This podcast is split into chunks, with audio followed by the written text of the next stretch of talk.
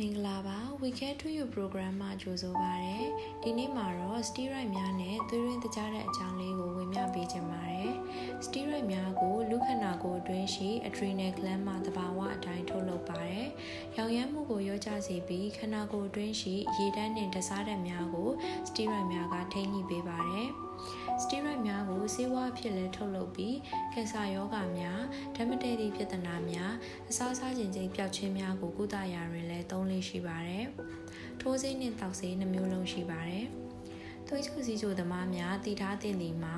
သွေးရင်းချိုတဲ့နဲ့စတီရိုက်ကြားဆက်ဆက်မှုရှိပါတယ်။စတီရိုက်များသုံးနေစဉ်တွင်အသေးမှတကြားတဲ့ပုံမထုတ်လွတ်ပါတယ်။ထိုတကြားများကိုခန္ဓာကိုယ်ပြင်ပသို့ဆွန့်ထုတ်ရာတွင်စတီရိုက်များကအဟန့်အတားဖြစ်စေပါတယ်။ဒါကြောင့် သွေးကြိုစီးကြိုရှိသူများရောမရှိသူများပါ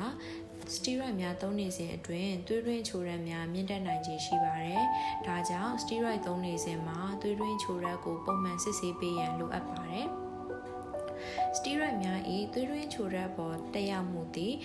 ဒီအချက်များပေါ်လဲမူတည်ပါသေးတယ်။တောက်သုံးနေသော steroid မျိုးအစားသုံးစွဲနေခဲ့သည့်ကြာချိန်ဆေးပမာဏ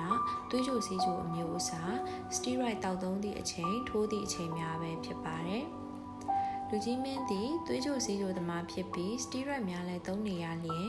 သွေးရင်းချိုတဲ့အဖြေများနှင့်တောက်သုံးနေသောစတီရိုက်များကိုမှတ်တမ်းထားပါသွေးရင်းချိုရက်သည်နှစ်ကြိမ်ထက်ပို၍15မီလီမိုပါလီတာထက်များနေပါကဆရာဝန်ထံအကြောင်းကြားပါ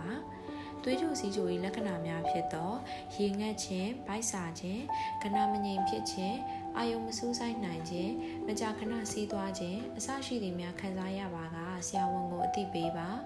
diabetic ketoacidosis DKA ကိုစောစီးစွာသိနိုင်ရန်စီးရဲရှိကီတုံးပမာဏကိုလည်းမှန်မှန်စစ်ဆေးပေးပါ